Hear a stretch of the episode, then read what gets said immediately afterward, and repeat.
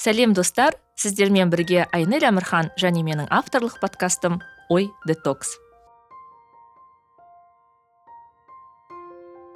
ой детокс ақпарат ағынында адасып кетпей ой сана тазалығын сақтауға көмектесетін подкаст.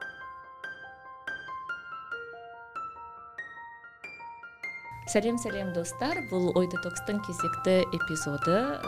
Бүгін менде қонақта азаттық радиосының тілшісі ә, саяхатшы руслан меделбек. Руслан алматыға демалысқа келіпті. Соны пайдаланып ұстап алдым. Сөйтіп осы студияға шақырдым. Ә, руслан қош келдіңіз. Қош көрдік.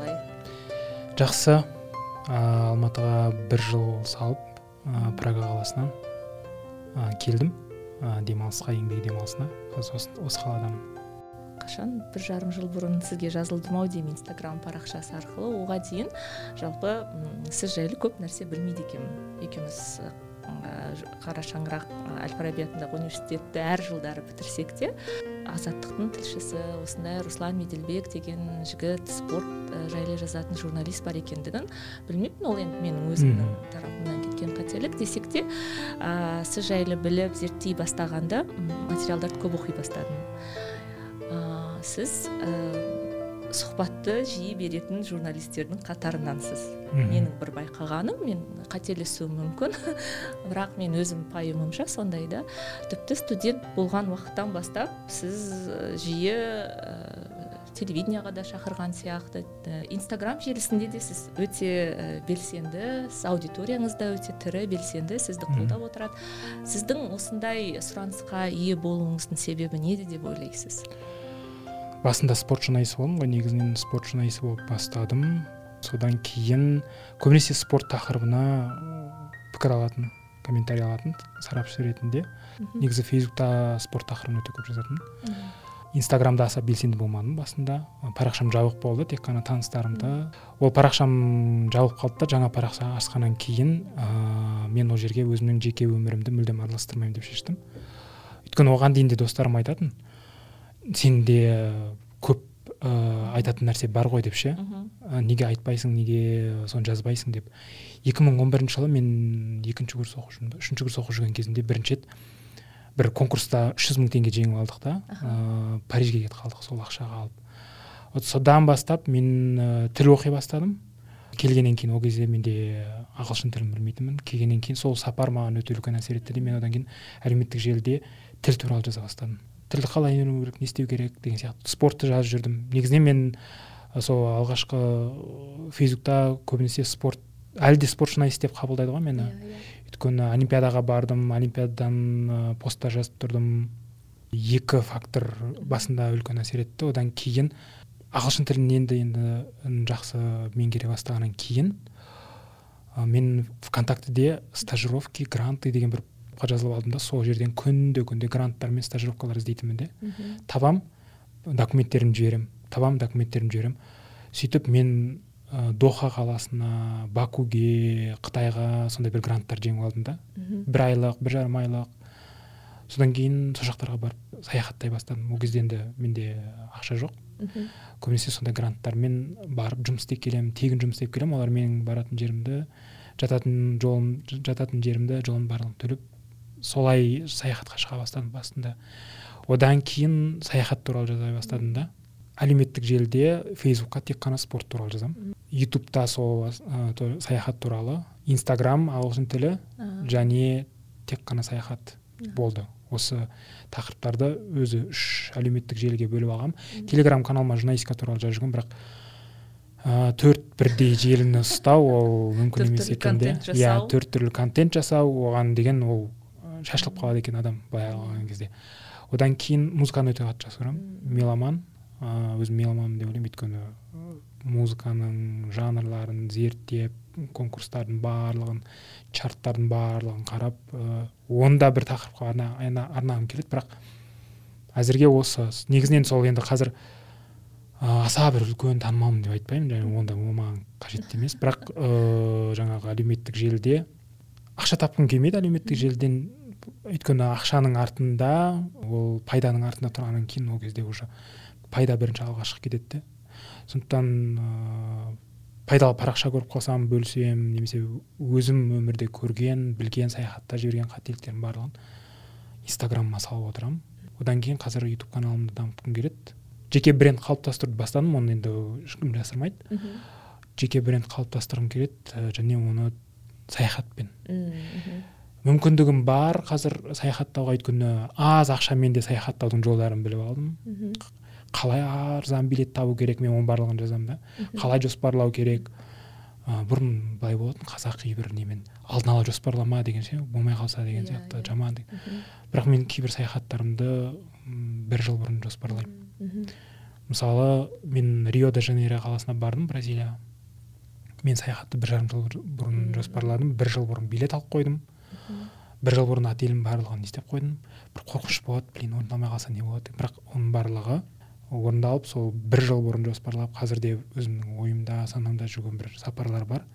Соның барлығын ә, бұрын сапарлардың барлығында не болатын? Саяхаттардың барлығында өзім үшін деген қазір блог түсіру үшін деген иә иә. бар да.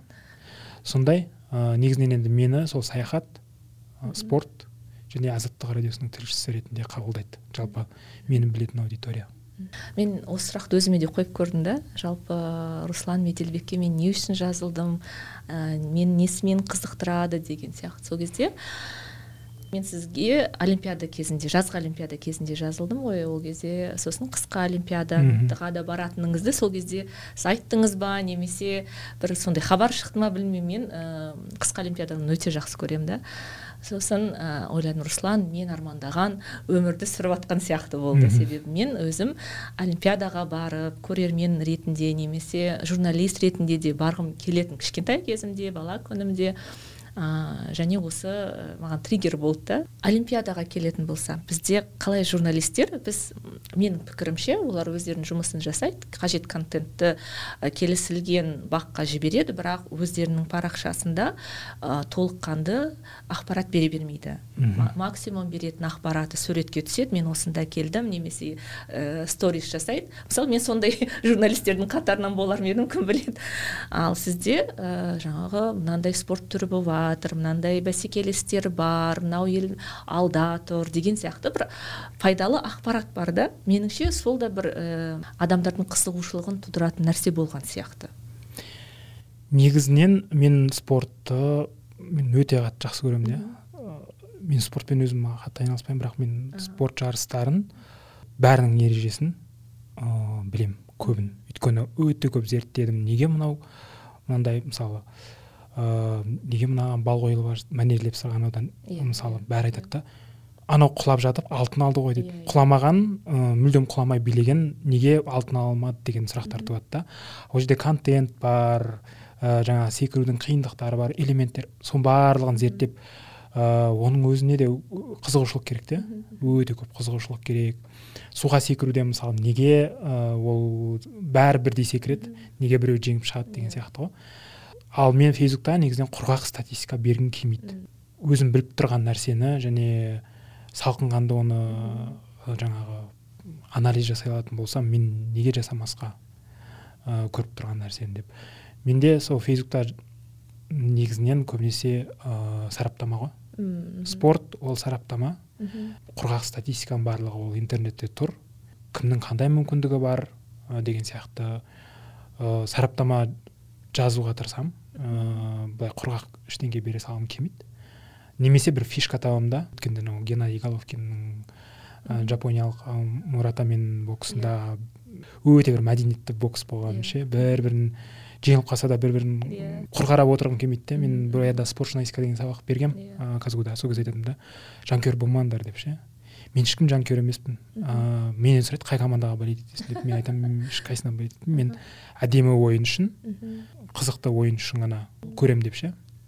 Құр сөз жазғым келмейді сол статистиканы жазғым келмейді сараптағым келеді.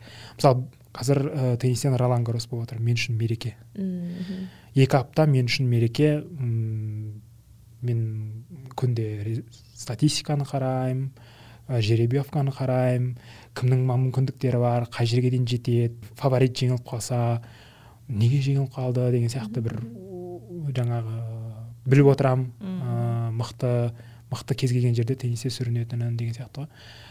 Сол жағынан алғанда ә, олимпиада ойындарында да мен екі мың биыл екі мың жиырма бірінші жылы токио олимпиадасында мынандай ситуация болды. Қазақстаннан олимпиаданың ережесі кез келген журналист бара алмайды ол жерге. Иә. Қазақстаннан ә, олимпиадаға 10 квота берілген 10 журналистке квота берілген он бірінші менікі Ә, жеке менің атыма берілген. Ол бірақ ол қазақстандық емес мен халықаралық олимпиада комитетінің ә, жас тілшілерге арналған мектебін А. оқыдым мгм. 2014 жылы қытайда конкурстан өтіп оны бітіргендер олимпиада ойындарында жұмыс істеуге мүмкіндік алады. Кез келген олимпиада. Кез келген олимпиадаға бірақ шығынын барлығын ә, өзің шешесің. Олар тек қана аккредитация береді 11 аккредитация менікі. Мен барсам береді бармасам онда қазақстанда он журналист. Соны пайдаланып мен рио ә, кореяда өткен олимпиадаға токиода одан биыл қытайда өткен олимпиадаға бардым ғой. Содан кейін токио олимпиадасында дау шықты. Қазақстаннан барған журналисттер қайда деген. Иә. Мхм. неге руслан ғана жазады? Иә. Бәрі біз бүкіл қазақстаннан руслан ғана барған сияқты деп. Ал олар айтады біз желіге жазуға келген жоқпыз біз өзіміз сайтымызға газетімізге Иә, жазуымызға келеді деген сияқты иә. Интервью алады ә, сайтына шығарып қояды ал ол сайтты оқи ма оқымай ма? Ә, одан кейін шулайды. Салық менің салығым ақшасына барып жатқан журналисттер қайда? деген. Иә. Өте үлкен дау шықты. Мхм. Ә, олар қайда не істеп жүр мына салыққа барған ә, халықтың ақшасына барған журналисттер неге дұрыс хабар таратпайды деген сияқты. Мен айтамын да желіге де жазсаңдаршы. Мхм. өйткені қазір газет оқитын адам аз мойындау керек. Сайт сайтыңның өзіне желі арқылы кіру мүмкін сілтеме арқылы. Ал бірақ былай іздеп оқитын адам өте аз да. Сол жағынан алған кезде мен ә, негізінен сол азаттыққа мхм. іздеп жатқаннан кейін барып тұрғаннан кейін енді жұмыс істеуге келгеннен кейін ә, бүкіл көргеніңді көзіңмен көргеніңді барлығын ә, көрсетуге тырысамын. Ал ә, бірақ ә, сол көбінесе әлеуметтік желіге жазбай жатады да. Журналисттер бізден барған журналисттер жаңа өзіңіз айтқандай өздерінің сайттарына шығарады. Азаттық радиосы да маған өте үлкен мүмкіндік береді.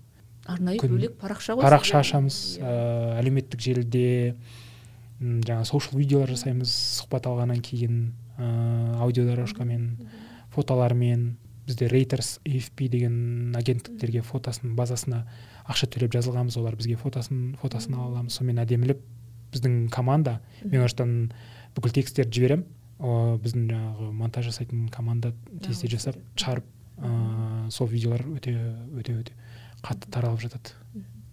Енді біз мысалы оқырман тыңдарман ретінде біз өте андай жалқаумыз да. Ә, айтады ғой тіпті журналистика факультетінде де қазір сөйтіп оқытатын шығар ә, бірнеше клик жасамау керек. Адам бір клик арқылы ә, қажет ақпаратты алу керек. Мысалы Мгм. мен сіздің берген ақпараттарыңызды фейсбуктан немесе стористарыңызды қарап отырдым. Бірақ азаттықтың мысалы парақшасына өткен ә, жағдайларым да сирек болды да. Себебі тез тез алып ары қарай кете бересің да. Біз мынау қатты қызық болып тұр ау дегенде өтесің. Мысалы сондай да. Сондықтан меніңше біз енді адамға ыңғайлы жолмен ақпаратты беруге үйренуіміз керек сияқты. Бірақ әлеуметтік желіге жазудың да өзіндік ә, тілі бар ғой. Мысалы сіз азаттыққа жазған ақпаратты копи паст жасап өзіңіздің парақшаңызға қоймайсыз ғой иә мысалы? Иә бұл жерде әлеуметтік желіге қысқа жазуға тырысамын. Және ол жерде ыыы кішкене эмоция да болуы мүмкін. Мхм. өзімнің жеке пікірім. Мхм. Ал азаттыққа мен көбінесе ақпараттық стильде. Бірақ кейінгі кезде енді блог жазу алдағы ойда бар. Олимпиада ойындарынан. Кейде өзімнің көзіммен көргенімді сипаттап жазамын да. Қорғау статистика болмайды ол жерде. А, және эксклюзивтар іздеймін. Олимпиада ойындарынан. А, және қазақстандық басылымдар жазбайтын тақырыптарды іздеймін. Мысалы осы жолы қытайға олимпиада кезінде шыңжаңдағы қазақтар мәселесі жалпы ең үлкен тақырыптардың бірі сол жақта болды ғой. Олимпиадаға бойкот. Иә иә. Жаңағы шыңжаңды жақсы жағынан көрсетуге тырысты пиарға пайдаланғысы келді. Оның барлығын қазақстандық семьялардың ешқайсысы жазбайды. Иә. Ә, мен сол тақырыпқа көп көңіл бөлдім. Саяси тақырыптарға көп көңіл бөлдім. Өйткені қазақстаннан медаль болған жоқ көбінесе. Иә иә. Ә, олимпиаданың екінші жағын. Ә, ал 2016 жылы риода өткен олимпиада ойындарында мен австралия австралияның атынан қатысқан қазақтан сұхбат алдым. Өте резонансты өте бір үлкен мақала болды. Одан кейін өзбекстанның атынан қатысқан қазақ ә, жігіт жігіттен иә, сұхбат алып солар туралы мақала шығардым. Азаттыққа жазған кезде көбінесе сараптама. Эксперттермен сөйлесу ә, спортшылардың өзінен ә, сұрақ қою және эксклюзивті сұрақтар қою. Осы жолғы пекин олимпиадасында ә, шыңжаңнан қазақ қыз қатысты ғой. Сол кезде мен шыңжаңдағы қазақтар мәселесі туралы ә, сұрадым. Және ол туралы мен әлеуметтік желіге пост салған кезде екі ұшты сексен процент пікірлер нең бар деген. Ол спортшы саясатқа қандай қатысы бар? Неге сұрайсың? Басы кейін сенің кесіріңнен ә, бәлеге қалса қайтесің деген сұрақтар болды. Мен бірақ ә, болды мен сұрадым. Жаздым мен енді қайтадан өшіріп тастамаймын. Ә, менде сол үшін ғана мен сол жарысқа бардым да. Сол қызды ұстап сол сұрақты қою үшін мен қоймасам оны сол жерде тұрған басқа журналистер де қояды. Еді нью йорк таймстың журналистері рейтерстің журналистері барлығы сұрайтын еді. Хабар сұраған жоқ ол туралы. Біз сұрадық. Иә. Және ол сасқалақта қалған жоқ. Жақсы жауабын берді. Қазір мен тек қана олимпиада туралы айтқым келеді деп сұрақтан қашып кетті. Бірақ ол да жауап. Мен өзімнің сұрағымды қойдым. Діттеген жауабымды алмасам да мен өзімнің журналистік парызымды орындадым деп ойлаймын. Токио токио олимпиадасында жаңағы ауыр атлет зүлфия чиншановадан допинг туралы да сұрадық. Допинг оны жауабымды алдым. А, және қорықпаймын да ондай сұрақтардан қорықпау керек деп ойлаймын негізінен. Олимпиадада мүмкіндік қой. Бүкіл спортсменді ұстауға ойыңнағы сұр ол жерде цензура болмау керек. Олимпиадада цензура ешқашан болмау керек. Кейде мен былай ол жерде мынандай қазақстанның журналистерінің алдына қазақстандық спортшы келеді. Иә. Бәріміз диктофон ұсынып тұрамыз сұрақтар қоямыз. Кезек кезек кезек кезек сұрақтарымызды қоямыз. Кейде менің сұрақтарымды алып тастайды да қазақстандық сми ол жерден алып тастайды. Ал бірақ бәрібір азаттыққа шығады ғой сондықтан азаттықтың да өзінің миссиясы цензура бар жерде цензура цензурасы бар жаңағы ақпараттарды ұсыну да. Сондықтан мен акцентті сол өзімнің сұрағыма жасаймын. Мен уже бүгін таңертең тұрған кезде жарысқа шығатын кезімде мен бүгін қандай мақала беретінімді ә, қалай беретінімді жеңілсе қалай беретінімді жеңсем қалай беретінімді барлығы менде уже алдын ала басымда сценарий тұрады. Қандай сұрақ қоятынымды және қандай фокус болатын мақаламда. Бізде жазғы олимпиада кезінде жаңа айттыңыз ғой дау дамай көп болды. Ол ә, жаңағы олимпиаданың барысы туралы ақпарат беру тарапынан да спортшылардың қандай да бір жүлдеге ілінбеу тарапынан да көптеген әңгіме болды. Сол кезде мен пост жазған болатынмын инстаграмға. Мен бір жағынан ә, бір спортшыларды ақтағандай болдым да. Себебі оларға толыққанды бір көңіл бөлінбегендіктен ә, мардымды жұмыс істемегендіктен оның үстіне олимпиадаға барған адамдардың өзінің артында бір кездейсоқ адам бара салмайды ғой оның да бір жеңісі бар деген сияқты нәрселерді жазғаным есімде. Ә, бірақ ойлаймын да спорт ол нәтиже. Айналып келгенде спортта саясат жоқ дейді спортта әртүрлі жағдайлар факторлар әсер етеді. Сен міндетті түрде жеңіс жеңіс тұрғырынан көрінбеуі мүмкін дейді. Бірақ қазір қазіргі уақытта спорт ол саясат спорт ол сондай ақ нәтиже. Жаңағы мемлекеттің күшін мемлекеттің амбициясын көрсететін нәрселер да сіз енді осы спорттың жағдайын қалай бағалайсыз? Мен бір мақалаңызда оқыдым. Бұқаралық ақпарат бұқаралық спортты дамытпай тұрып біз спортта қандай да бір жетістікке жету мүмкіндігіміз жоқ деген сияқты ойды айттыңыз. Негізінен ә, батыс елдерінде ә, спортшылардан бұндай үлкен нәтиже қоғам күтпейді. Алса қуанады алмаса катастрофа емес. Yeah. Иә. ал қазақстанда жал, жалпы постсоветтік елдерде неге бұндай? Өйткені спорт салықтың ә, салықтан ақша бөлінеді. Және халық одан нәтиже күтуге толық жүз пайыз қақысы бар. Өйткені менің ақшама сіздің ақшаңызға басқа адамның салығына дайындалған спортшылар. Ал европада және америкада австралияда м олар кәдімгі спортшылар ә, жұмыстан кейін барып дайындалады? Иә. Yeah. өзінің негізгі жұмысы бар. Жаңа австрияда қазақ туралы не дайындаған кезде ол құрылыста жұмыс істейді екен. Құрылыстан кейін кешке жақын ә, күрестен бапкер болып ақша табады. Айтады мен сол сұхбатта айтады ә, талғат деген балуан ғой. Мен ә, крауфандинг арқылы 10 мың доллар жинап ә, риоға келдім дейді. Австралия билігі маған тек қана форма берді дейді. Олимпиадаға киіп келетін формамды ғана берді. Қалған ақшасын барлығы менің өзімнің мәселем. Жарысқа шығу жолдама алу. Ал қазақстанда қалай? Қазақстанда барлық мемлекеттің қаржысы ғой. Яғни бізде ә, спорт дамушы елдерде спорт әйтеуір әлемге танылудың екінші бір жолы. Қазақстанды кім арқылы таниды? Головкин арқылы таниды винокуров арқылы таниды. Болды. Одан кейін жаңағы борат. А біздің не ғылым медицина жағынан бізде ешқандай бір ә, не жоқ та. Қазақстан а головкин. Қазақстан а винокуров болды. Бір жағынан олар жұмыс істеп жатыр ә, бірақ ә, мен спортпен танылғанын қаламаймын елдің. Ғылыммен ә, бір үлкен жетістіктермен танылса деймін де. А бізде біздің жаңағы үкімет тарапынан сондай акцент қойылған спортқа көп ақша бөлінеді. А оның артын көрдік қой мысалы допинг дауында қазақстан өте үлкен бір ә, дауға қалды да. Негатив болды. Нәтиже қойғанның арты осындай болады да. Жаңағы сегіз ақ қола медаль алып қалдық қой неде токио олимпиадасында. Сол кезде үлкен катастрофа болды ғой. Вот өзбектерден қалып қалдық. Ә, түркіменнен қалып қалдық деген сияқты. Басқалармен салыстыру синдромы ғой. Мен айтамын кейде ондай қақысы бар. Деп. Бізде бұқаралық спорт дамымаған себебі бұқаралық спорт дамыса жаңа батыстық стильге келеміз де соның ішінен біреу атып шығады да өзі чемпион болады. Норвегияның несі бар жаңағы иә бұқаралық спорт өте қатты дамыған соның арқасында биыл қытайда өткен олимпиада жалпы командалық есепте бірінші орын алды. Қытайды да озып кетті ақш да озып кетті. Халқының саны олардан әлдеқайда аз. Оларда бұқаралық спорт өте қатты дамыған да. Ә, кез келген жас ә, шаңғы тебеді коньки тебеді деген сияқты. Сол сияқты бізде де сондай болу керек те кез келген жас. Одан кейін ә, бір байқағаным қазақстанда күштік спорт күрес бокс ауыр атлетика. Бұл дамушы елдерге қара ә, неде?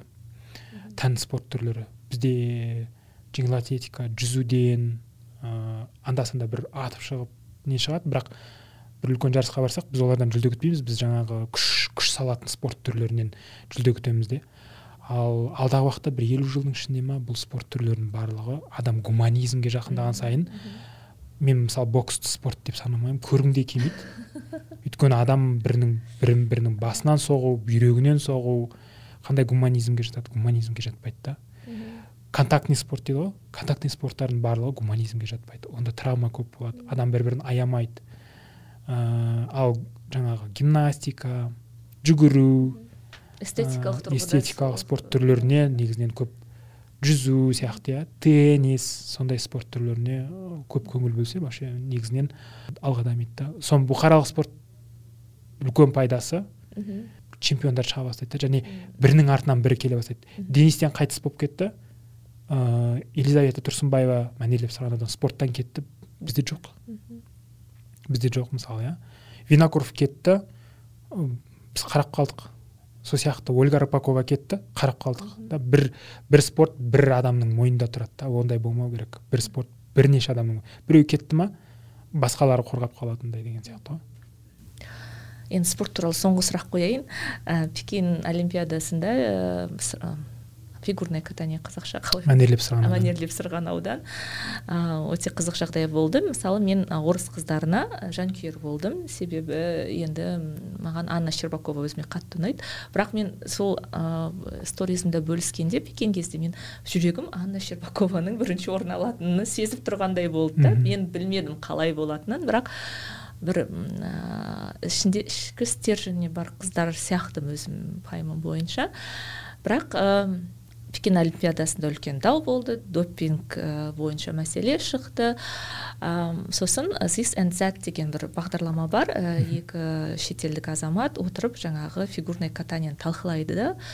Ә, сөйтіп американдық бір спортшы қызды шақырды. Қазір ол фигур бұрында фигурный катанияда қатысқан. Қазір енді ә, тренер болып жұмыс істейді. Сол кезде олар осы жағдайды талқылады. Ә, маған айтқан этикалық тұрғыдан ә, талқылады. Себебі қаншалықты деңгейде сенің командаңда тутберидзаның командасында допинг дауы шыққанда ол мәселе ол ә, сенің жетістігіңе әсер етсін етпесін ода емес. Бірақ өзге сенің спортшыларыңның ә, допингке қатысы жоқ деуге қаншалықты деңгейде айтуға болады. Бұл этикалық тұрғыдан дұрыс емес деген сияқты мен ойламаған қырдан талқылады сол жерде олар айтты егер олар ә, өздеріне жаңағы имиджіне жауап беретін қызығушылық танытатын адамдар болса тбилисияның командасы түгелімен сол олимпиададан кету керек еді. Себебі оларда басқа да фигурный катаниядан ә, командалар өте көп. Ә, соларға нұсқан келтірмес үшін деген сияқты әңгімелер айтылды. Ол жерде этика ә, да спортта этика бар ма жалпы? Енді допинг дауында ол таза спорт деген ғой. Егер ә, бір спортшының қанынан мили мили ә, допинг табылса ол бұл жерде этика емес біріншіден әділдік алға шығу керек те. Жаңағы камила балиеваның жағдайында бұл допинг қолданды ә, қалай қолданды оның қанына атасының дәрісінен түсті деді ма сондай бір нелер айтты ғой. бұл жерде этикадан көрі әділдік америкалық спортшылардың талабы ә, олар медальді бізге қазір тапсырыңдар деді. Қазір де ә, бізге алтынды беріңдер деп талап етіп жатыр. Және ол жүз процент әділ ә, басында өте үлкен жаман аура болды олимпиада кезінде. Өте үлкен өйткені біріншіден кішкентай бала. Оның психологиясы. Жаңағы сол күні мен мәнерлеп сырғанауның бүкіл жарысына барып шықтым. Сол күні жаңағы спорт кешеніндегі аура өте жаман аура болды. Өте. Біз мен менің өзімнің эмоциямды ұстаймын дегеннің өзінде де менде ыыы ештеңе қарағым да келген жоқ сол күні. Енді нәтижелеріне қарағым келген жоқ. Не туралы жазып жатыр. Ештеңкесіне қарағым келген жоқ. Бардым да отельге барып ұйықтап қалдым ештеңе пікір де жазғым келген жоқ ештеңе жазғым келген жоқ. Біріншіден жаңағы мүлдем билей алмаған қазір мен көз алдымда да бар да ең соңғы біткен кезде былай қолын бір сілтеген кезі ше камила балиеваның ең соңғы бір сәтте. Өте ауыр болды өте ауыр болды. Одан анау трусованың ана жерде бунтовать етіп yeah. Иә. жылағаны мен ылғи да күміс аламын деген сияқты. Ә, сондай нелердің барлығы. Бірақ енді меніңше қазір былай енді кейін олимпиада бітіп сол кезде менде мынандай мнение болды да. Ә, бәрібір балиева мықты қазір. Дәл қазір камила балиева мықты. Допинг табылды ма табылмады ма сондай бір мнение болған. Қазіргі менің пікірім алтын доға алмай қойса деген ше командалық жарыстың алтынын өйткені бәріне жағдай бірдей жасау керек. Қазір әлі де тергеу болып жатыр. Менше енді мен білмеймін қалай аяқталатынын. Бірақ яғни бұл жердегі этикадан көрі жаңа допинг ә, қолданды табылды болды. Ә, кішкентай ма кішкентай емес па заң бірдей. Ә, және спорттан шектеу керек болса шектеп олимпиада алтынын алу керек болса алып. Мен енді қазір салқын қанды қабылдаймын да. Егер ә, балиеваның кесірінен ресей құрамасы ә, алтын ала алмай қалса мен салқын қанды қабылдаймын. Өйткені солай солай дұрыс деген сияқты. Осы жерде мен тағы бір таңғалдырған нәрсе ә, қаншалықты деңгейде ресей спортшылары ә, жаңағы жеңісті алға қояды да біз бәрі бізге қарсы. Осы философияны олар спорт арқылы да таратады да. Мен енді ә, бұл да енді бір саяси ойынның құралы болып тұр ғой. Валиева меніңше саяси ойынның құрбаны болды. Тіпті менде бір ой, ойда болды. Мүмкін олар әдейі сондай жағдай жасады ма екен деген сияқты мынау соңғы украинадағы жағдаймен байланысты. Бір, бір сондай бір арам ой да келді да. Сондықтан енді білмеймін қаншалықты деңгейде. Жаңа сіз айтып жатсыз ғой спорт ешқашан да жетістікке жаңағы елдің елдігін көрсететін нәрсе болмау керек деп. Ал бұл жерде ә, біз болайық ресей енді үлкен держава ретінде осы саясатты ұстанатын сияқты. Спорт өйткені жаңа айттым ғой басқа мақтанатын иә нәрсе. мақтанатын нәрсесі жоқ. Бірақ ол мақтанудан бұрын адамдардың ішінде елінің ішінде все против нас деген сияқты yeah. Иә. пропаганданың құралы болып тұр ғой қазіргі ол бір иә бір мысал ыыы илья ильин yeah. Иә. допинг табылған кезде жүз процент допинг қолданғанын мен мен өз басым сенемін өйткені табылды ә, бірақ билік тарапынан ә, бұны мойындаған жоқ қой мхм. Ешқандай мемлекеттің тарапынан бұл допинг дауына қатысты жөні дұрыс пікір болған жоқ. Ә, нақты мойындау да болған жоқ. Ә, ешкім ештеңке деген жоқ. Жыл жауып қоя салды бұл. Халық шулады. 250 мың Иә. долларды қайтарсын пәтерін қайтарсын. Кім қайтарды ешкім қайтарған жоқ. Ә, допинг дауы ә, сол күйі бұл тақырыпты жауып тастады да. Ал негізінде бұл. Дұрыс жолында ә, бұл іс мемлекеттің ішінде тергелу керек еді. Бұған кім жол берді қалай жол берді ә, неге қазақстан бүкіл әлемнің алдында масқарасы шықты бұны мемлекеттің деңгейінде тексеріліп тергелу керек еді. Бірақ оның барлығы 2016 жылы шуладық шуладық шуладық. Сонымен қалды. Сол күйі ә, осы, осы деңгейде. Мен жалпы мемлекеттің білім ғылым медицина бойынша әлемде әлемге танылғанын қатты қалаймын да. Спорт спорттың ішінде де бір өзінің ғылымын. Өзінің бір методикасымен ә, әлемге танылу жолдарын ойлап тапса соған қарай ә, бізде немен шешті? Легионерлермен шешті. Иә. Өзіміздің бір деңгейіміз сол кезде ғана халық бір халық алға жылжиды да. Сондықтан осы жағынан бір методикалар мысалы сингапурды алайық иә. Сингапур әлемге коррупциямен күресімен танылды. Коррупцияны қалай жойды? Иә. Деген сияқты ә, грузияда қазір иә мысалы біз саакашвили кезінде жемқорлықты қалай біз Мгм. грузия десек ә, бәрі айтады иә мысалы сингапур десе соны көз алдымызға елестейді деген сияқты. Сондай да бір қазақстанда да бір ә, головкинмен де винокурпен танылған жақсы. Әрине ол да мысалы мессимен аргентинаны марадонамен береді деген сияқты иә. Ғой ол да жақсы бірақ бәрінде баланс болу керек қой. Енді ә, саяхат тақырыбына көшсек. Ә, сіз әлемнің қырық елінде болдыңыз. Иә негізінен қазір қырық қырық бір ел болып тұр. ел болып тұр иә. 2011 жылы парижге бардым. А. парижге барып 15 күн сол жақта спорт жарыстарына бардық сол кезде. Ауыр атлетикадан әлем чемпионаты болды соған бардық. Теннис футбол соның барлығын ә, көріп 15 күн сол парижде ә, болдым. Бізде енді қазақстанда қанша адамда паспорт бар екенін білмеймін. Төлқұжат мен ә, соңғы мәліметтерді іздеп көрдім интернеттен. Бірақ өкінішке орай таппадым. Мысалы қазір айтайын ә, жыл сайын қазақстанның азаматтары дейді шамамен 600-700 мың паспортқа сұраныс береді екен. Және соңғы 5 жылда дейді 3 миллионнан астам паспорт жасалыпты дейді. Мхм. бұл енді қанша пайыз? Бір отыз пайыз шығар иә азаматтардың енді толық қалай ойлайсыз бізде саяхаттайтын адамдардың қатары көп па? Мен ә, жалғыз саяхаттайтынмын. Бір 2017 жылы жазда жинаған ақшама ә, таиланд сингапур камбоджа мальдивке кетіп қалдым ә, сол кезде мен өзіммен бірге саяхаттайтын адам іздедім де. Саяхаттайық деп ше ә, екі адам болсақ тіпті аз шығады деп. Ә, сөйтіп көп үгіттедім іздедім таппадым адам. Ол кезде қазір қазір енді саяхат жастар арасында тренд болып келе жатыр да. Өйткені ә, саяхат арзандады. Әсіресе түркияға бару өзбекстанға бару дубайға египетке бару арзандады. Ал бірақ ә, ол жастардың арасында ә, мен мысалы қазір өзім ата анамды апара алмаймын саяхатқа Мм. мен қанша үгіттесем де олар айтады сол ақшаны иә. бізге бере сал біз өзіміз басқа бір керек жарақтарымызға жұмсайық өзің саяхаттай бер сенің саяхаттағаның біздің саяхаттағанымыз дейді де. Сол сияқты үлкен кісілер де маған да жекемен жазып жатады мен ата анам қарсы деп ше. Жастар арасында саяхатқа енді тренд басталады.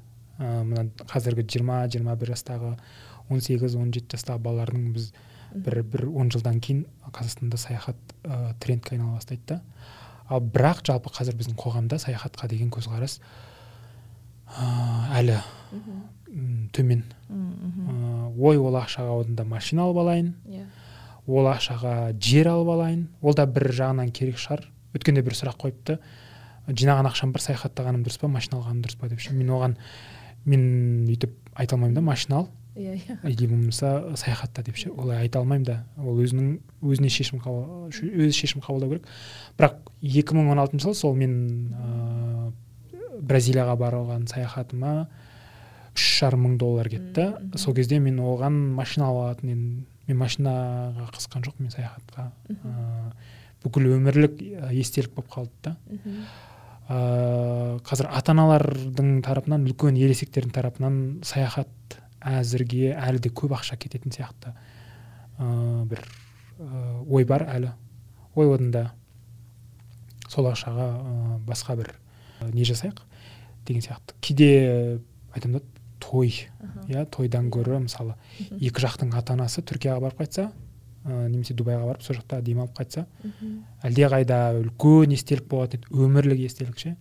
Сондықтан ә, жастардың тарапынан саяхатқа өте үлкен қызығушылық бар ә, қатты қызығатындар бар. Ә, саяхатты жақсарту үшін саяхатқа деген жалпы не ә, былай көзқарас өзгеру үшін бірінші қаржылық сауаттылық арту керек халықтың арасында. Мхм. тапқан ақша үш жүз мың теңге төрт жүз мың теңге тапса да жетпейді егер қаржылық сауаттылық болмаса. Мхм. жүз елу мың теңге тауып жүріп саяхаттауға да болады да мысалы мен айтамын да. Табысым осындай деп айтады да мен айтамын да соның он бес мыңын депозитке салсайшы бір жыл бойы. он бес мыңды сал просто содан кейін жинап ал да ә, бір жылдан кейін соған саяхаттап қайт. Енді жүз елу мың теңге қай жаққа саяхаттаса болады руслан? Жүз елу мың он екі ай он екі айда он бес мың теңгеден депозит жүз сексен. Иә. Жүз сексен мыңға горячий турлар бар ғой. Иә. Окей жүз сексен мың теңге жинады. Мхм. туысқандарына айтсын ата аналарына айтсын мен саяхаттағым келіп жүр осыншама ақша жинадым. Ыыы алғашқы сапарым көрімдік деген сияқты иә. Ата анасы мысалы мен алғашқы саяхатқа шыққан кезімде ата анам елу мың теңге берген де өйткені олар үшін қуаныш қой. Иә. Ыыы кез келген ата ана баласын дамысын балам көрсін ел көрсін жер көрсін деген ата ана ыыы жаңағы аяп қалмайды. Қолындағы ыыы бір қойын сатса да бір малын сатса да ыыы береді де. Егер балам дамысын көрсін деп. Бірінші фундаментін жаңа өзінің қолында жүз сексен мың теңгесін дайындап алып одан кейін осындай барайын деп жатырмын деген сияқты. Егер командамен барса әлдеқайда арзан шығады да. Негізі саяхаттаудың жолы көп. Егер адам түсінген ыыы жағдайлар болатын болса ше. Бізде енді оның үстіне саяхаттасаң бірден андай лакшери условия дейді ғой иә? Қымбат отель ә, жаңағы all inclusive деген сияқты ә, жақсы көлік таксимен міндетті түрде бару керек немесе көлік жалдау керек ә, демалсақ бір бүкіл ақшамызды жинаған ақшамызды жаратып бір күшті демалу керек сияқты да он күн болсын бес күн болсын. Ал қарапайым ә, рюкзакпен немесе автостоппен ә, саяхаттайтындар өте көп қой иә немесе хостелда тұру деген сияқты нәрсе. Бізде бір ондай әлі мәдениет қалыптаспаған сияқты. Жастар енді мүмкін жастар қазір ә, сол сондай жолмен жүретін шығар бірақ мен өзім ойымда есімде ә, ең алғаш саяхаттағанда ой бірінші рет шығып жатырмын ғой ә, жақсы отельге тоқтайын аямайын деген сияқты бір қауіпсіздік мәселесі шыққандай болды да. Ал шын мәнінде ол кейіннен қазір мысалы мен жылдан жылға саяхатымның құны арзандамаса да жаңа өмір сүру ә, өте қарапайым жағдайлары сондай сияқты. Негізінен ыыы енді саяхатта ол жерде ыыы былай ыыы рухани демалу ғой. Сен бәрібір шаршайсың. Көп жүресің Иә. бірақ оның барлығы ұмытылып кетеді де. Біз мысалы мен швейцарияға бардым. Сол кезде біз супермаркеттен тамақтанып жүрдік. Мм. өйткені отельдің өзі қымбат. Мхм ол жерде хостел жоқ. Мхм. ә, өйткені тауларға барып ә, тауларды аралайсың ғой. Ол жерде хостел жоқ ол жерде тек қана отельдер көбінесе. Олардың құны жүз доллардан кем емес те. Сондықтан ақшаң өзі анаған кетіп жатыр. Жол өте қымбат тамақтың өзі қымбат. Сондықтан біз супермаркеттен кешке жақын тамақ алып аламыз. Ішке барып жейміз отельге барып таңертең тойып аламыз завтракта ол кешке дейін жетеді. Мен ылғи саяхаттаған кезде айтамын да біз ә, арзан жерден тамақ ішеміз. Немесе сумкамызда банан су ә, печенье солар жүреді. Сонымен қоректенеміз. 15 күн ә, он күн бір апта ештеңе кетпейді. Бірақ ә, максимум сол жерден барлығын көріп қаламыз деген сияқты. Хостелдерге жатып иә мысалы арзан хостелдерге бір рюкзакпен мен айтамын да ешқашан саяхатқа үлкен ә, чемоданмен келмеу керек. Бірнеше чемодан иә ол өте ол демалыс болмайды ол. Ол демалыс болмайды. Ыыы рюкзак деген ол жеңіл нәрсе иә. Әсіресе еуропаға келген кезде. Рюкзакпен саяхаттау ұшаққа да жеңіл өзіңе де жеңіл. Ыыы әсіресе жаз айында саяхатта деп айтамын өйткені үш төрт футболка иә иә. екі үш шортик мхм. бір аяқ киім бітті. Ыыы саяхаттай бересің деген сияқты. Ал жалпы былай ыыы лакшери саяхат ы, қазір арзан ғой ондай лакшери саяхаттар да бар. Бірақ ыыы өте андай энергиясы ондай саяхаттарды жақсы көрмейтіндер де бар да. Ыыы іші пысып кететін. И саяхатты өзі таңдау керек қой адамның өзінің табиғатына байланысты. Иә. жағажайда жатып ол инклюзив жеп сол отельдің маңайында жүріп сөйтіп демалуға да болады. Ол да бір миға өте бір үлкен тыныштық. Ал шапқылап жүретін таңертең кетіп отельге кешке қонуға ғана келетін ыыы мен сондай саяхатты ұнатамын және жастарға сол жарасады да. Жалпы саяхаттайтын адамдардың психологиясы қандай адамдар болады олар? Саяхат портреті бар ма? Жалпы мынандай? Саяхаттайтын адамдардың портреті негізінен не қарапайым болып келеді де. Қарапайым болғанда да оған жи- комфорт саяхатта комфорт керек. Ыыы биік өкше киіп алып мысалы Иә. аяққа өзіме комфорт па қазір? Ы болды осы комфортпен жүре беремін мысалы ыыы бір футболкамен бірнеше жерден бірнеше фото жасау ол ештеңе кетпейді. Өйткені ыыы кейбіреулер айтады да әр жерде мысалы эйфельдің жанында үш төрт көйлекпен суретке түсуім керек деген қыздар болған. Мен айтамын ешкім сенің көйлегіңе енді айта айту мүмкін бір көйлегімен бәр жерге түсіпті ғой деген сияқты. Ол қыздардың психологиясы шығар қыздарды білмеймін бірақ ұлдарда ә, негізінен маған бәрібір қандай футболкамен жүрмін. Өзіме комфорт сол жерде. Ыыы ол мен испанияда да түсуім мүмкін фотоға. Эйфельдің жанында да түсуім мүмкін. Маған бәрібір айтса айта берсін. Ыыы деген сияқты ғой. Артық жүк артық проблема. Жанындағы саяхаттағы серігім ұмытылып тұратын. Барлығын көруге барлығын тануға барлығына келісе кететін. Сондай адамдармен саяхаттаған жақсы көремін де. Саяхаттаған адамдарда андай бала сияқты болады ше. Кез келген жерден бір рухани ә, бір байып бір жағажайдың жағасында отырсам толқынның дауысын естіп күннің батқанын көріп просто қарап отырып немесе мен білем ә, жаңағы рио де жанейрода ә, статуя не бар ғой? Иә. Иисустың христостың соның жанында бір күн жүргенмін ше кете алмай кеткім келмейді ана жерден ше. Өзі кішкентай ғана жер ғой оны жүр- үш ақ сағат жүрсең болады да. Былай да қараймын былай да қараймын.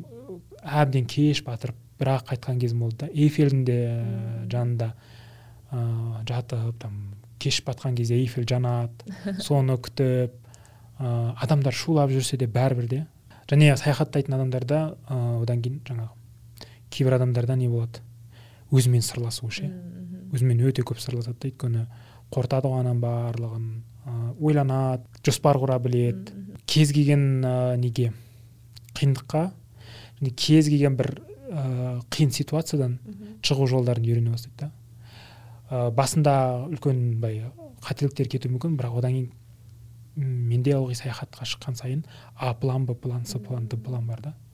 Окей бүгін неден кешігіп қалдым? Рейсімнен кешігіп қалдым? Не істеймін. Және мен дайынмын да. Артық шығынға дайынмын үлкен бір келеңсіздіктерге дайынмын. Бастысы аяғым сынып қолым сынып бір ауруханаға түсіп қалатындай үлкен бір жағдайға тап болмасам болды. Қалған барлығы шешіледі. Саяхат тәрбиелейді ғой бәрі айтады. Саяхатқа барып келгеннен кейін адам өзгеріп келеді екен деп айтады. Соны қалай түсіндіресіз деп ше? Оны түсіндіру ә, мысалы енді былай нақты мысал керек болатын болса деп айтамын да. Мен римге барғаннан кейін мен тарихқа қатты қызықтым да. Ә, соғыстарды там зерттей бастадым. Ежелгі замандағы соғыстарды зерттей бастадым. Өйткені колизей ескі ежелгі рим мен. Тарихқа деген қызығушылығымды мүлдем ашты да. Ә, мысалы м швейцариядан кейін менде экофрендли пайда бола бастады да. Ыыы өйткені та- анандай табиғаттың сұлулығын көргеннен кейін адамда миы өзгере бастайды да. Жаңағы жаңағы ресайкл сондай нәрселерді қолданып ыыы соған көп мән бере бастайды да. Сондай жағынан бір үлкен оны айта алмайсың мен өзгеріп кеттім деген сияқты ше. Ол ішкі жан дүниеңнің өзгерісі ғой. Өзің сабырлы бола бастайсың ә, деген сияқты. Кез келген жағдайларға дайын бола бастайсың. Ә, ақшаны үнемдеу ақшаны басқару сол жағынан өте үлкен былай көмектеседі. Оның өзі енді бір екі саяхаттан емес көп саяхаттай бастау керек те. Мен кейде айтамын да ташкентке барып қайт. Қазақстанның өзінің ішіне бар. Иә. ол да саяхат. Бозжыраға бар бармасаң өміріңде мысалы ше. Кез келген саяхат ыыы өзгертеді де. Жазда қай жаққа саяхаттаған дұрыс? Мысалы бізді қазір қарап отқан адамдар болса бірінші рет саяхатқа шығайын деп жатса бюджетке қарау керек. Енді мен кез келген саяхатты түркиядан бастаңдар деп айтамын да. Өйткені түркияда бәрі бар. Мармарис бодрум фетхе каппадокия памуккале анталия алания. Сол жаққа барыңдар деп айтамын да. Ә, өйткені арзан біріншіден. Ә, тамағы да тамағы да бәрі өзімізге жақын да. Аха. ә, сондай.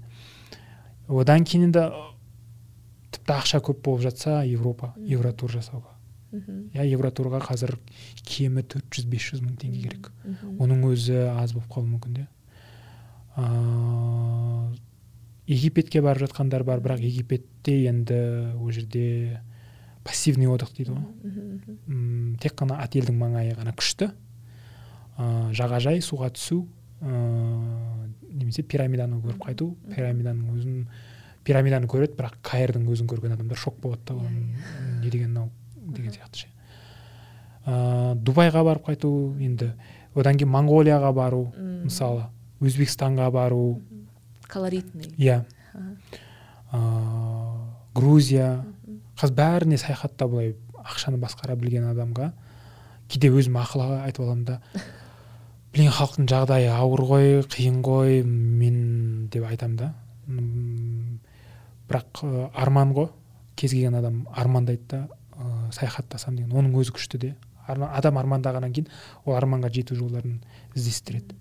Сондықтан мен алғашқы айтамын сол сол жаққа барған дұрыс бюджетіңізге деп ше? Бюджет ыыы бәрін бюджет шешеді. Ыыы бір ыыы көп былай жоспар ы, осы жаққа саяхаттайын деп жатырмыз. Жоспарымызбен бөліссек сіз айтсаңыз деп көп ыыы хабарласады. Оларға мен де бөлісемін деп мына жаққа бару керек. Қанша бюджеттерің қанша деп сұрап аламын да? Ең бірінші сұрақ сол да.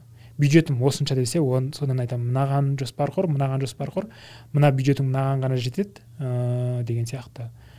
Ыыы екі адам бара жатырмыз екі адамның қосқандағы бюджетіміз осынша, деген кезде примерно былай жоспарын ыыы сыза аламын да бере аламын айтамын мына жерден ыыы тамақ ішпеу керек болады ыыы автобуспен жүру керек болады түнде шығып кетесің таңертең сол келесі қалада боласың автобуста ұйықтайсың ыыы ақшаңды үнемдейсің деген сияқты. Сондай бір пландар құрып өзімнің басымнан өткен пландар да. Ерекше армандайтын қалаңыз бар ма? Шіркін ай осыған барып бір асықпай араласам деген сияқты. Майамиді көргім келеді. Майамиді көргім келеді және ол жоспарға жету үшін ыыы мүмкіндігім қазір соны бағалап жүрмін. Одан кейін ыыы жалпы африка елдеріне барып танзания эфиопия ыыы сондай судан сомали деген елдерге барып блог түсіргім келеді. Мхм қазір мен бармаған сол австрия а, австралия бар. Мхм М, одан кейін сол африка бар. М, сол африка елдеріне барғым келеді. Джунглиді көріп осы негізгі мақсаттарым коста риканы көргім келеді мексиканы көргім келеді швейцарияға қайта барғым келеді. Швейцария мен қазір қырық бір елдің ішінде топ нөмір бір. Менің рейтингімдегі нөмір бірінші ел. Білмеймін не, не әсер етті. Өйткені пандемиядан кейін бардық. Ыыы пандемиядан кейін барғаннан кейін әсер етті ма? Бірақ ыыы швейцария маған өте қатты әсер етті. Әсіресе табиғаты. Мен бұрын тек қалаларды аралай беретінмін тастардың барлығы зданиялар ғимараттар соларды көріп. Швейцарияда мүлдем бөлек ә, не болды да. Мхм. Сол жердегі жаңағы табиғатты көргеннен кейін. Қазіргі енді негізгі мақсат ыыы жүз ел Мхм. көру ше менің арманым негізгі. Жүз ел көру ым, соған тырысамын елу Aa. тоғыз ақ ел қалыпты. Иә елу тоғыз. елу тоғыз ел қалды. Ыыы айтады да жаңағы мен бірақ түркияны да жақсы көремін де. Түркияға да мен бір оннан асып кеткен шығар болғаныма ыыы барған осы қазақстанға келген сайын мен түркияда екі үш күн боламын. Қайтар кезінде немесе барар кезінде парижде тоғыз рет болдым. Өйткені париж мен үшін ең бірінші барған мемлекетім болғаннан кейін. Одан кейін қазақстаннан достарым жаңағы туыстарым келеді ғой неге? Европаға бәрінің арманы бірінші. Ыыы осыншама ақша жинадым. Прагаға барамын одан кейін ә, парижге барамын дейді де. Оларды апару керек. Иә. солармен қайта қыдырамын уже. Стамбулды ә, парижді былай бәрін шамалап біліп алғанмын ғой қай жерге бару керек қалай бару керек. Ә, айтамын парижге үш күн керек. Үш күн барамыз. Ә, париждің бүкіл атмосферасын сезініп ә, жартылай болсын сезініп қайту үшін үш күн керек үш күн боламыз деп айтамын да. Сөйтіп парижге қайта қайта қайта жыл сайын бір рет барып қайтамын парижге әсіресе жаз кездерінде. Енді сол қазіргі мақсатым ыыы коста рика не мексика. Одан кейін сол танзания ыыы судан деген бір елдерге барып қайтқым келеді. Бірақ оған енді өзім жалғыз бара алмаймын. Қорқыныш бар бәрібір де. Турмен ба ойластырып көру керек. Бірақ қазіргі менің мақсатым барлығы. Бұрын өзім үшін саяхаттайтын болсам қазір блог үшін деп жоспар құрамын да барғаннан кейін блог түсіруім керек. Ыыы көрсетуім керек. Өйткені қазақ тілді контентті дамыту. керек. Иә. неге болмасқа қазақ тілінің өзінің жеке контенті? Рахмет руслан. Негізі сізбен сағаттап сөйлессе болады себебі. Негізі адамның қыры көп болғаннан кейін оған бір сағат тарлық етеді да себебі. Спорт жайлы да сөйлескің келеді саяхат тіл жайлы мүлде сөйлеспедік. Бірақ ә, бұл тақырыпқа қызыққандар болса сіздің инстаграм парақшаңыздан көрсе болады. Русланның ютуб парақшасы бар. Міндетті түрде сілтеме қалдырамын. Кіріңіздер өтіңіздер. Мен өзім қараймын. Мен айтамын ғой қазақстан ә, қазақтың путушкині деймін ғой сізді. Маған картинкаңыз ұнайды. Өте андай сапалы түсірілген. Ә, сондықтан уақыт бөліп алматыға бір аптаға келгенде бір сағатыңызды қиып келгеніңізге рахмет. Болашақта дәл талай сөйлесеміз деген үміттемін. Арманыңызға жетіңіз. Парижде тоғыз рет болдым айттым ғой руслан мен армандайтын өмірді сүреді ал мен сол арманыңызға жетіңіз. Жүз елге саяхаттағанда тағы да өйстіп мүмкін кездесіп тағы да әңгіме дүкен құрармыз деген yeah. Иә. оған дейін ой детокс болады деп сенемін. Рахмет. Егер мен сұрамаған бірақ қосып кеткіңіз келген нәрсе болса мархабат. Негізінен жаңағы көбінің сұрағы ғой ақша қайдан табасың? Ақшаны қайдан табамыз? деген сияқты ше. Мысалы қазір ә, флай арыстан шықты иә. Қазақстанда мүмкіндік көп пайда бола бастады қазір. М түркияға түркістан арқылы жетпіс мың теңгеге ұшып қайтуға болады. Ақтаудан прагаға ә, рейс ашылып жатыр қырық сегіз мың теңгеден ә, жақында афинаға ашылайын деп жатыр миланға ашылайын деп жатыр. Ә, жақын уақытта алматыдан ә, америкаға рейстер ашылайын деп жатыр. Осының барлығын көрген сайын бір ә, қуаныштар бар да мысалы мальдивке рейс бар. Барлығын алдын ала бір жыл бұрын жоспарлап ше адамдар ә, қазір рассрочка деген бар иә ә, каспийдің солардың барлығынан билет алса болады саяхаттаудың жолы негізінен адамның өзінің ә, қабілетіне байланысты. ақша жетпейтін жерде жетпейді. ыыы рассрочкаға алыңыз билет алыңыз бөліп төлеңіз. Екі қол екі аяғы бар адам ыыы еңбексіз отырмау керек. Ә, еңбек болса еңбектенсе менің еңбегім мен маған ақша аспаннан жауып жатқан жоқ. Ыыы ақшаны басқара білу қаржыны басқара білу ыыы қаржыны игеру қаржы табу ыыы оқу ғой. Мен айтамын әрбір тіл білген сайын бір тіл сізге жүз есік ашады екі тіл тағы жүз есік. Қолыңызда бар ғой мысалы мүмкіндік бар. Неге оқымасқа отыра берген адамға ешқашан ол аспаннан ақша түспейді немесе біреу міне саған мальдивке екі билет деп әкеліп бермейді ғой. Ал оқыған сайын ә, ешқандай әрекет әрекет жоқ болса қарекет жоқ болса ешқандай ә, нәтиже шықпайды да. Әрекет еткен ә, адам мына бәрібір есік ашылады да. Тіл оқып ал ыыы шетелде жұмыс істегісі келеді барлығының. Ә, тіл білмейді де. Мен айтамын тіл білесіз ба? Иә. Жоқ десе мен ары қарай уже әңгіме жүрмейді онымен өйткені мүмкіндік жоқ қой. Ыыы одан кейін мамандық игеру иә әлемге керекті мамандықтар ыыы әлемдік мамандықтарды игеру жаңағы IT саласы медицина сондай салаларда жалпы әлемде спрос сұраныс өте көп деп осы мамандықтарға. Тіл оқу және қалаған мамандықтың үздігі болмаса да орташа деңгейдегі маманы болуға сондай. Рахмет рахмет руслан. Осымен достар ой детокстың кезекті эпизоды аяқталды. Міндетті түрде тыңдап көрген қосымшаларыңызда бағалап кетулеріңізді сұраймын. Себебі бұл менің тыңдармандарымның көрермендерімнің қатарын көбейтуге көмектеседі. Сондай ақ сіздер ой детоксты қолдаушылар қатарына қосыла аласыздар. Ол туралы ақпарат сипаттамада болады. Мен әдетте патреон арқылы қолдайды. Уақыттарыңызды бөліп қарағандарыңызға тыңдағандарыңызға рахмет. Келесі эпизодтарда аман есен естіскенше жүздескенше сау болыңыздар.